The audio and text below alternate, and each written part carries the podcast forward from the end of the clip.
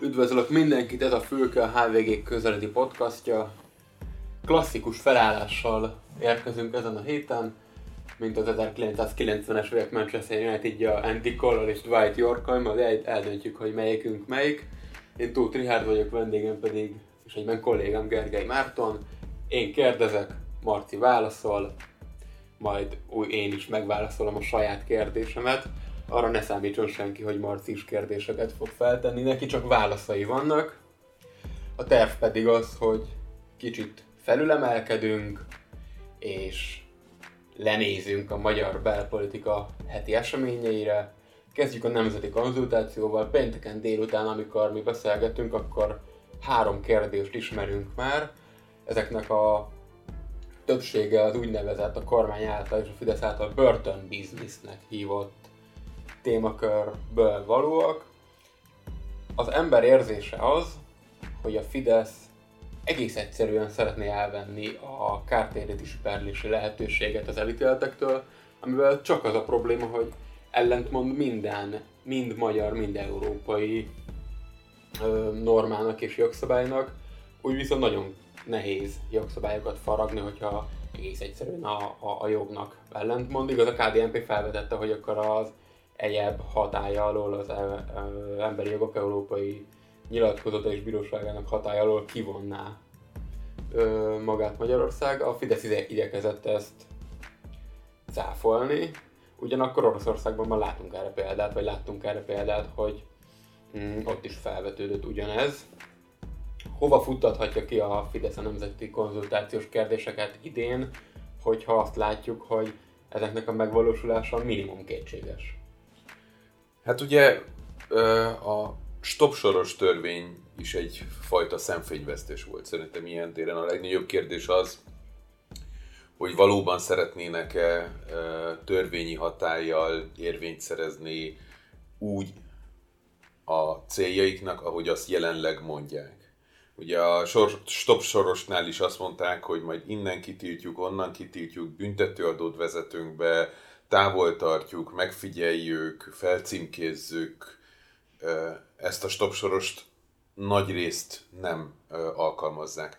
Távol tartják vele a tranzitzónából a civil jogvédőket, távol tartják egyébként ugye az igazságszolgáltatás, tehát a büntetés végrehajtásból is a civil jogvédőket, de a, a jogfosztó részeit a, a stopsorosnak nem alkalmazzák valójában. Adót például nem is vetettek ki az érintett civil szervezetekre. Ugye volt, aki azt mondta, hogy azért, mert rosszul megírták, ma már inkább úgy látszik, hogy direkt és szándékosan írták meg rosszul, hogy senkire ne vonatkozzon.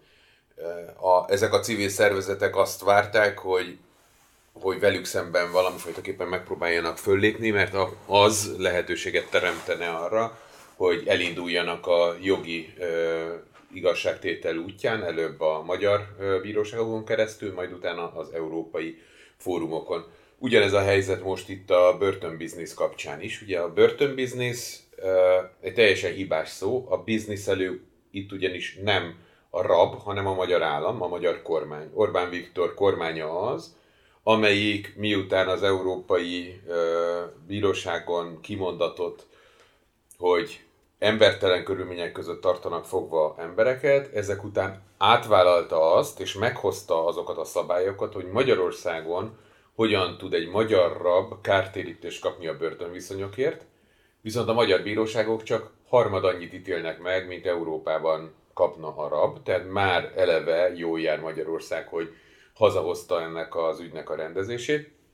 Másodszor ezekkel a kártérítésekkel az embertelen körülményeket veszik meg. Tehát senki nem ö, gátolja a magyar kormányt attól, hogy egy, átgondolja azt, hogy ö, a társadalomra nem veszélyes emberek ö, feltétlenül való bezárása indokolta. Kettő, hogy azokat, akiket börtönben tart, azokat emberségesebb körülmények között tartsa. Tehát, hogy meglegyen a 4 négyzetméter, és hogy a WC ne függönnyel legyen elválasztva, hanem fallal. És hogyha ezek megvannak, akkor senki nem kap pénzt. Nem az van, hogy aki bemegy börtönbe, az automatikusan pénzt kap. az kap pénzt, akit embertelen körülmények között tartanak fogva. Az embertelen körülményeket, ha az Orbán kormány megszünteti, akkor megszűnnek a ö, perek is. Ugye pont a hvg.hu-ra írtuk meg, hogy egyfelől tudunk olyan börtönről, ahol 166%-os a túlzsúfoltság, túlzsúfoltság másodszor pedig ezt a zsúfoltságot a, kormány most egész egyszerűen konténerbörtönökkel próbálja meg enyhíteni.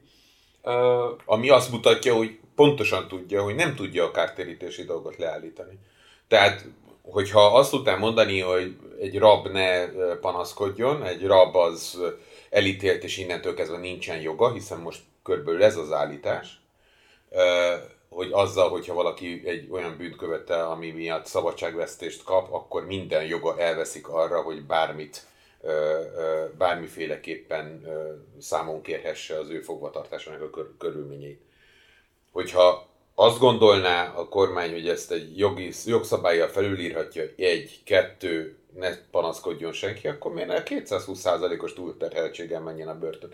Minek ide konténer börtön? Nyilván azért, mert pontosan tudja a magyar kormány, hogy legfőjebb egy újabb pilot per, tehát egy újabb mintaper elvesztése, Strasburgi elvesztése után az egész fekália a magyar kormány nyakába zudul újra, legfőjebb a közben két évig eljátszhatja a kemény gyereket. Ráadásul ugye néhány évvel ezelőtt bejelentettek egy ö, olyan börtönépítési lázt, ami a szavak szintjén nagyon jól hangzott, csak éppen az érintett városokban, ahova ilyen börtönöket terveztek, a legtöbb helyen helyi népszavazással feküdtek keresztbe ezeknek a, ezeknek a börtönöknek a megépítésére, és hogyha ezekre sor került volna, akkor már nem ott tartanánk, hogy 166%-os túlzsúfolt börtönről is tudunk. Kötve hiszem, hogy ha valami nem építés útján, hanem mondjuk egy konténer útján kerül bármelyik városba, akkor azt szívesen fogadnák ott, ahol például korábban népszavazással döntöttek arról, hogy ne épüljön börtön. Ugye érdekes, hogy ha az ember olyan, olyanokkal beszél, akik hát vagy jogtanultak, vagy értenek a joghoz, azok ennél a témánál nagyon hamar ö, irdatlanul idegesek lesznek, ugyanis az történik, mintha most az Orbán kormány egy konzultációt kezdene arról, hogy lapos a föld. És bárhány tudós is lenne, aki elmagyarázná, hogy nem lapos, és hogy miért nem lapos, és hogy mi a bizonyítéka arra, hogy nem lapos, ők tovább nyomnák azt, hogy lapos. Ugye a börtönbiznisznél is ugyanez a helyzet, hogy úgy tesznek, minthogyha a, ez, ebbe a börtönbizniszben a, az elítéltek maguk nyerészkednének, és úgy tesznek, mintha nem lenne jogalapja a kártérítéseknek, és úgy tesznek, mintha valaki azért, mert egyébként jogosan el van szeparálva a társadalomtól, mert olyasmit tett, és még veszélyes, attól bizonyos jogai nem maradnának meg. Tehát itt fából vaskarika az egész, ezért vagyok kíváncsi rá, hogy, hogy az lesz mint a stop sorosnál, hogy a végén hoznak olyan ügyes jogszabályokat, amivel elmondhatják, hogy tettek valamit, de valójában nem tesznek semmit, hiszen azt elbukják, vagy pedig tényleg megpróbálnak valahogyan a ö, fizika és a jogszabályaival szembe menni. Két másik kérdést ismerünk még. Az egyik ugyanígy a kártérítési perlési lehetőségnek a jogát venni el a menekültektől, hogy ismerünk két bangladesit, akik azért pereltek, mert a tranzitzónában a körülmények nem megfelelőek voltak ha jól emlékszem, 10 millió forintot ítéltek meg nekik évekkel ezelőtt. Ez az egyik kérdés, a másik pedig az erőszakos bűncsek, mint elkövetőknek a feltétele szabadlábra bocsátását is ö, konzultációra bocsátja a kormány. Mm, talán a menekültekkel szembeni, menekültekkel perlési, vagy kártérési perlési lehetőség az, ami, ami szintén itt ö, nagyobb visszhangot váltott ki. Az erőszakos bűncselekmények feltétele szabadállával bocsátása az egy pénteki hír, amikor mi beszélgetünk, a visszhangjait még annyira nem ismerjük, de azért szintén nem 100 milliókról és milliárdokról van szó. A bejelentő államtitkár is csak egy évekkel ezelőtti egyetlen egy esetet tudott felsorolni, vagy felhozni, példaként 10 millió forintról majd hozzátette, hogy a balkáni útvonalon százezeres nagyságrendben vonulnak a menekültek, Nem Hát igaz. meg, megint laposföld teória. Nem Ugye igaz. az egész azért van kitalálva. hogy ők majd mind per, perelni szeretnék a magyar államot. Ugye ki van találva ez, hogy az ember fölháborodjon rajta. Egyébként jogosan háborodik föl, amikor jogfosztás történik, ugyanis ahogyan a magyar kormány mások jogaival bánik, úgy bánik majd a mi jogainkkal is. Tehát ne tévedjünk, hogy előbb-utóbb ez visszaszáll.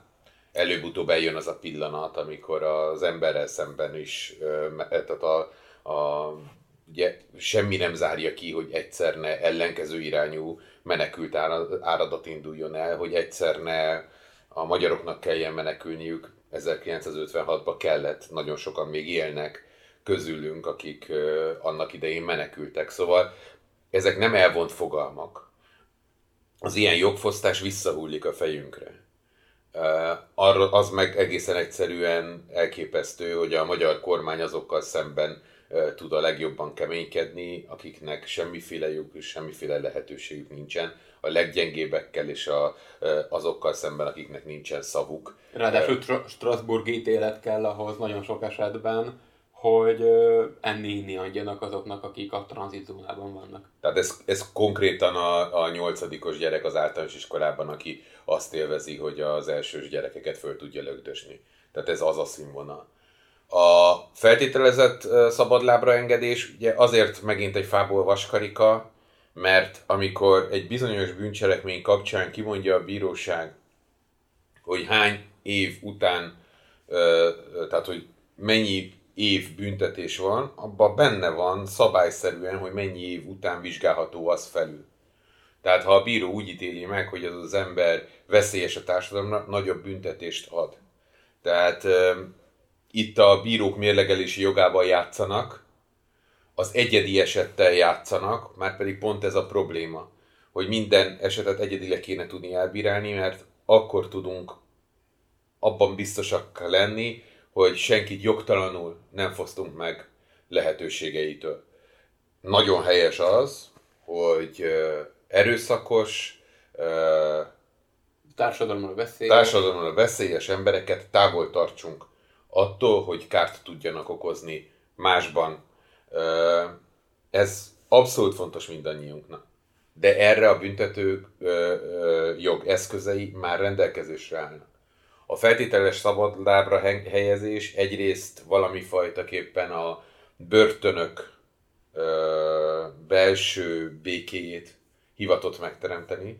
Tehát arra való, hogy a börtönökben jobban lehessen fegyelmezni, ami mindenkinek az érdeke, azoknak is, akik bent vannak, meg azoknak is, akik kint vannak. A büntetési tételeket kell úgy megszabni, hogy veszélyes emberek ne tudjanak idő előtt visszatérni a társadalomba. Börtönökről beszélünk, és nem véletlen, hogy, hogy a konzultációban is ezekkel a kérdésekkel kezdték, de nem érzed úgy, hogy miután Orbán Viktor a januári kormányinfón bedobta és politikai témával és közbeti- közbeszéd témájával tette a, a gyöngyöspatai romák szegregációjának ügyét, ez egy idő után háttérbe szorult, már az évértékelőn is sokkal nagyobb hangsúlyt kapott az általa börtönbiznisznek nevezett jelenség, sokkal kevesebbet beszélt a gyöngyöspotai romákról, és most a konzultációs kérdőív is úgy halad, hogy először a börtönökről szóló kérdést ismerjük meg, mint hogyha, és tudjuk, hogy folyamatosan szondáztatja a közvéleményt a Fidesz, mint hogyha ö, lekerült volna egy kicsit a napirendről a gyöngyöspotai romák szegregációjának az ügye. Kételkednék benne, hogy a szondázásnak a következménye lenne pont ennek a levétele. Inkább lehet azt mondani, hogy a, az ilyenfajta nyílt ö, kisebbségek, etnikai kisebbségek elleni úszítás nagyon-nagyon könnyen számon kérhető és nagyon könnyen kimutatható mindenféle nemzetközi kapcsolatban, mindenféle nemzetközi fórumon. Sokkal komplikáltabb a fogvatartás körülményeiről és a ö, feltételes szabadláb feltételeiről beszélgetni, egy sokkal komplikáltabb jogi, technológi, jogi kérdés, sokkal könnyebb külföldi partner felé is terelni a dolgot, hogy itt nem arról van szó, hanem amarról, meg mi csak ezt nem akarjuk, meg mi csak azt nem akarjuk, meg hogy a magyarok joga, meg hogy nem, stb. ismerjük. A, az, hogyha azt állítják, hogy ö, egy etnikai kisebbség szegregációja miatt megítélt jogerős kártérítést nem akarják kifizetni, az egy nagyon egyértelműen és nagyon könnyen kimutathatóan rasszista indítéknak tűnő program. Arról nem beszélve, hogy amikor Orbán Viktor azt mondja, hogy miért nem dolgoznak, itt gyerekekről van szó, a gyerekmunka Magyarországon illegális, egyébként az Európai Unióban is, tehát több, többszörösen is értelmetlen Orbán Viktor felvetése a gyöngyös patai kérdésben. Ráadásul pont ez a kurzus volt, amelyik 18 évről 16 évre vitte le az oktatási korhatárt, szóval ha már gyerekmunka, akkor az is egy, ez is egy szempont. Uh, és itt nagy, és ugye elkezdett vonulni a mi hazánk. Uh, hozzáteszem, hogy Orbán Viktor ilyen téren elgondolkodhat, tehát abban a pillanatban, hogy elkezdik feszegetni a... a... Ugye már nem gyöngyöskodán, hanem sájon vagyunk. Tehát, de hogy abban a pillanatban, hogy elkezdi feszegetni Orbán Viktor úgy látszik az etnikai uh, kérdéseket Magyarországon, úgy abban a pillanatban ez a uh, kormány inkubátorában nevelkedő Mi Hazánk mozgalom, amely eddig beérte azzal, hogy, uh, hogy a különböző politikusnak tűnő alakjai, tagjai. Egymásnak a, adták a kilincset a köztévében.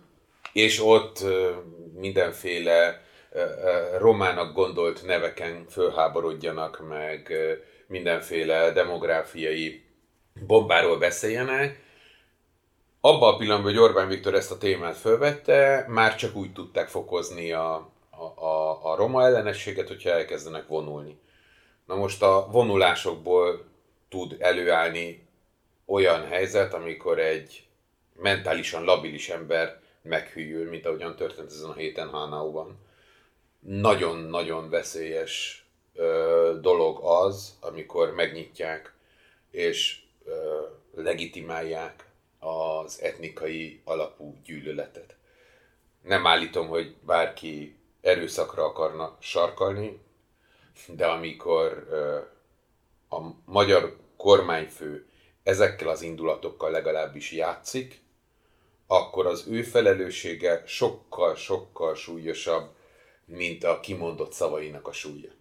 És ugye itt akkor tegyünk egy kis kitérőt a Németországban történt események miatt.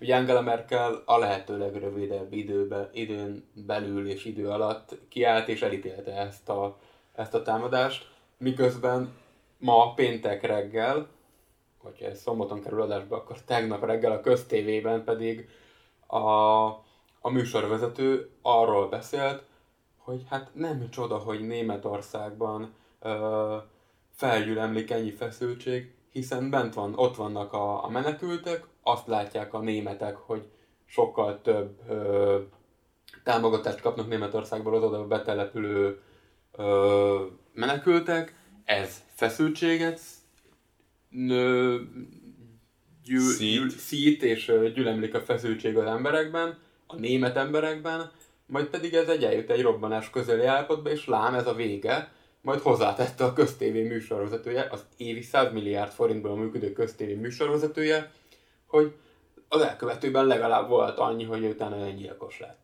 Nem tudom, hogy az anyaggyilkosság részét azt hogyan ítélte meg, a, tehát, hogy az is pozitív-e a magyar állami televízió műsorvezetője szerint, hogy az anyját se hagyta, hogy végignézze azt, ahogyan földolgozzák a rettenetes bűntényét.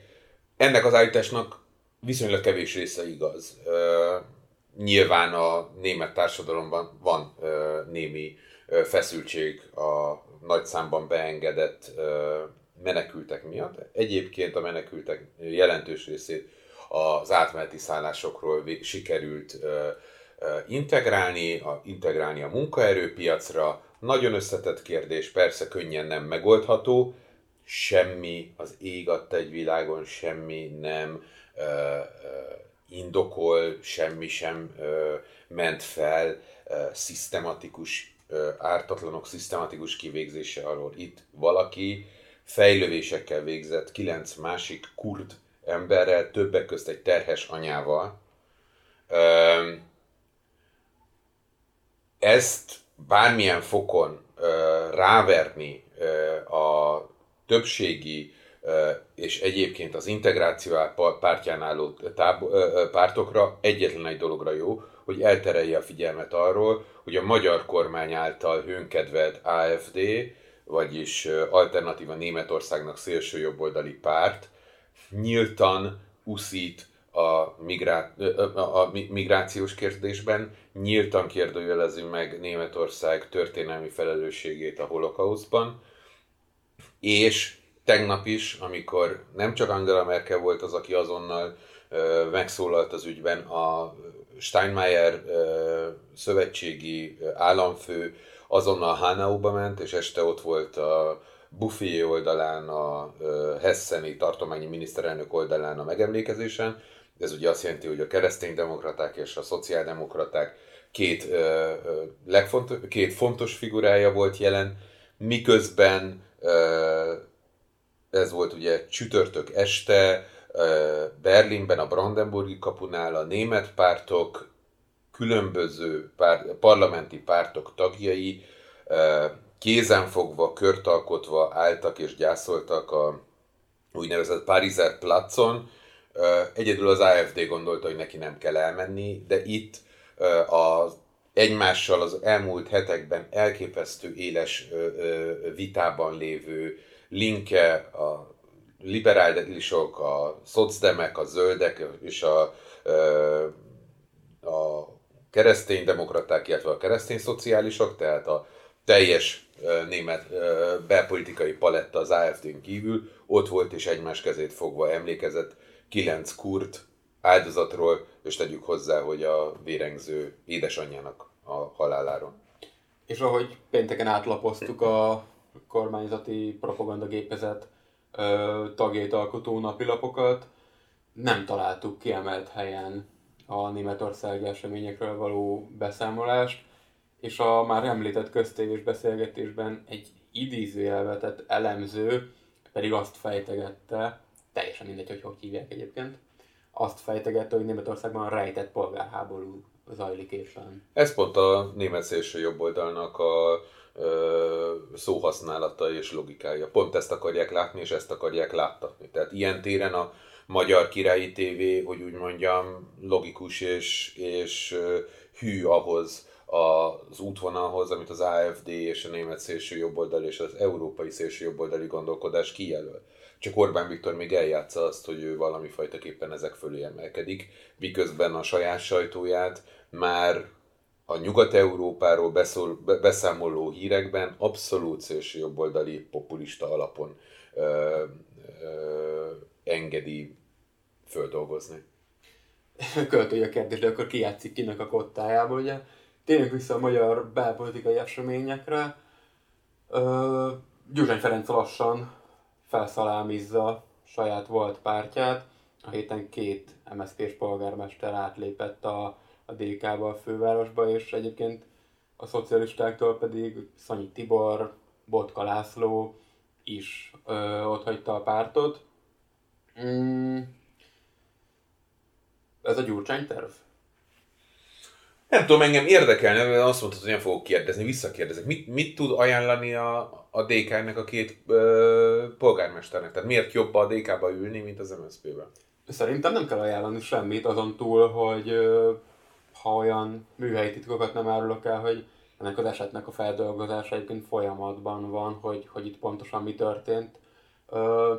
De szerintem olyan nagyon sok minden nem kell kínálni, elég, hogyha megnézik és hát mindenki látja a kutatási adatokat, hogy hol áll most az MSZP és hol áll most a DK, illetve egy olyan párt készült a szocialisták részéről tisztítő kongresszusra, akiknek az esetében már az is siker lenne saját magukra nézve, hogyha sikerülne egy pártszövetséget összehozni a párbeszéddel, akik egyébként annyira láthatatlanok az egyszem főpolgármester jelöltjükön kívül, vagy főpolgármesterükön kívül, a két akkor is megnyerte volna ezt a versengést, hogyha nem a párbeszéd tagja.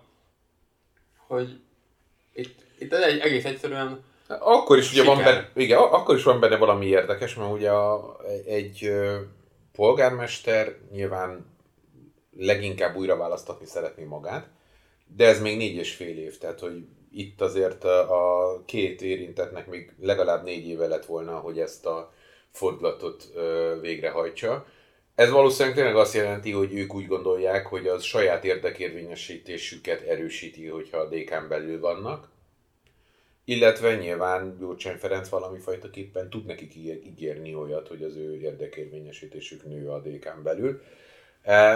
Érdekes folyamat, azt gondolom, hogy nem logikátlan ahhoz képest, ami az elmúlt egy évben zajlik. Tehát, hogy az teljesen egyértelmű, hogy Gyurcsány Ferenc azért hagyta el az MSZP-t, hogy egyszer visszatérhessen, vagy egyszer újra ő lehessen a ö, baloldali ö, néppártnak a, a vezetője. Hogy mennyire szisztematikus, ami történik, azt nem tudom. Az biztos, hogy organikus ö, olyan értelemben, hogy a lassan egy éve lévő európai parlamenti választásokon a DK-nak sikerült a legjobb stratégiát kiépítenie. Van két kifejezetten ismerhető, fölismerhető és karakteres politikusa, egyrészt Gyurcsány Ferenc maga, másrészt Dobrev Klára. Én szerintem ők ketten egyébként golyóállóvá váltak a, a, le, a jobboldali lejáratásokra nagy részt. Tehát szoktuk mondani, hogy Gyurcsányjal nem lehet nyerni, mert Gyurcsány ekkora probléma, mert Gyurcsány akkora probléma.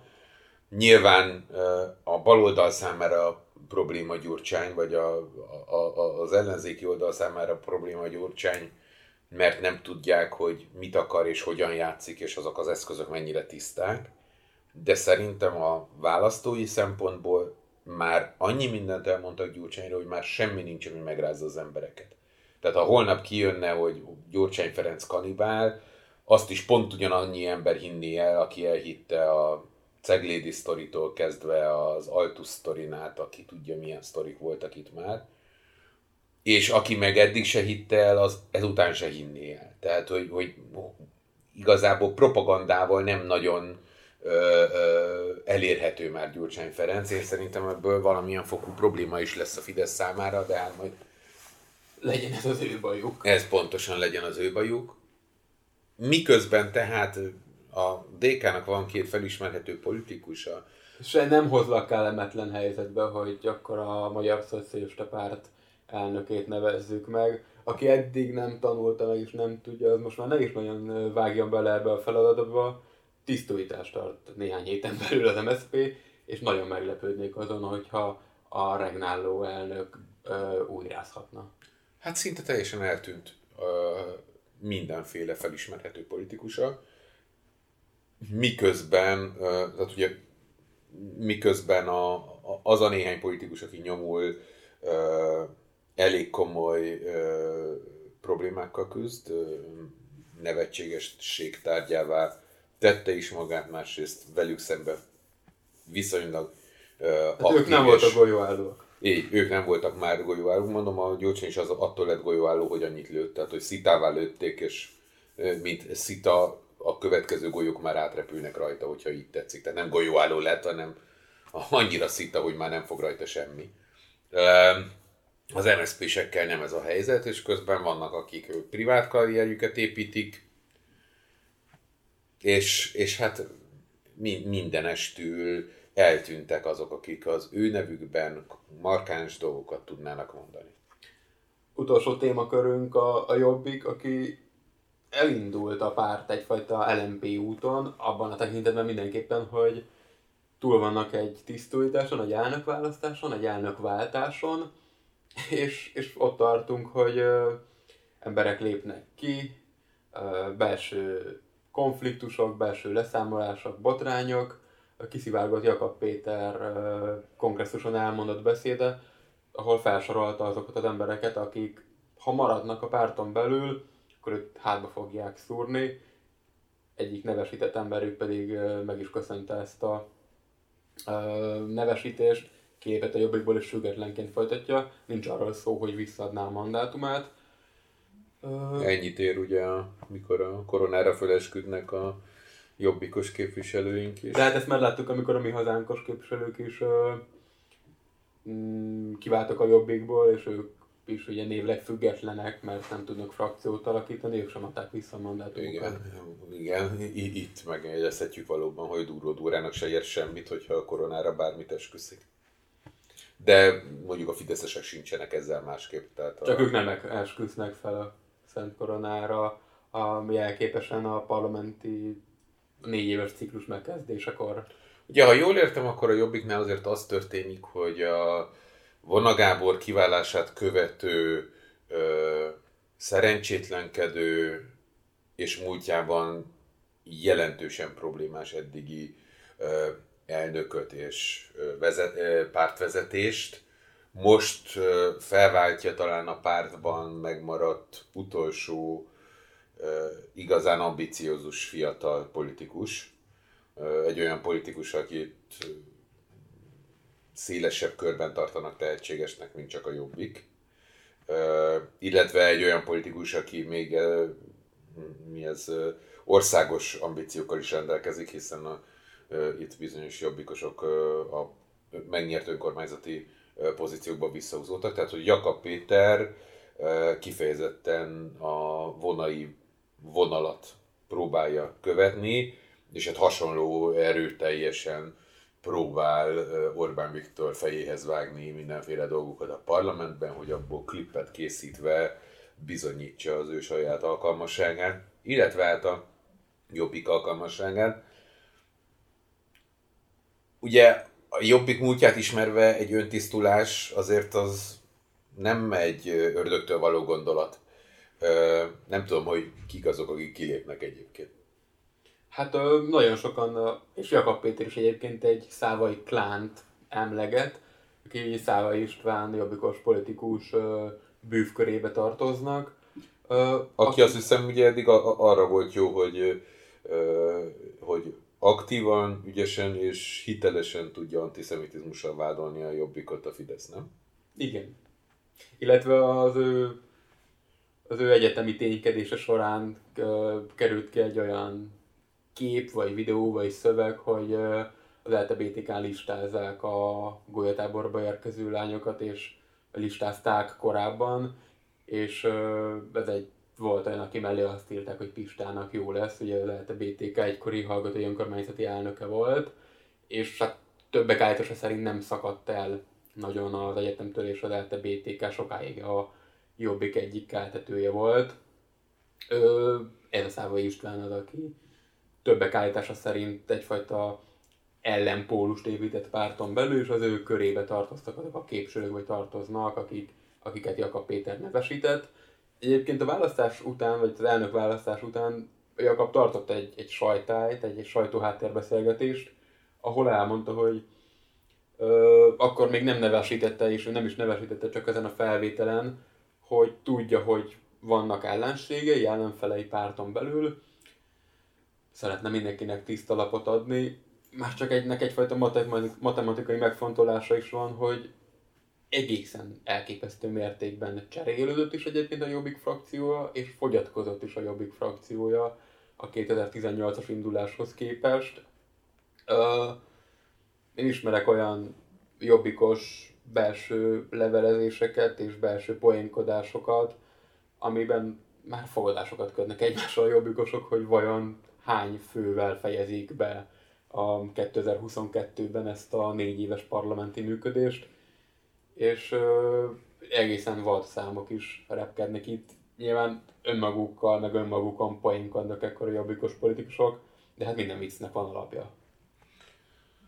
Legyen az ő bajuk, tehát ez, e, ebbe sincsen.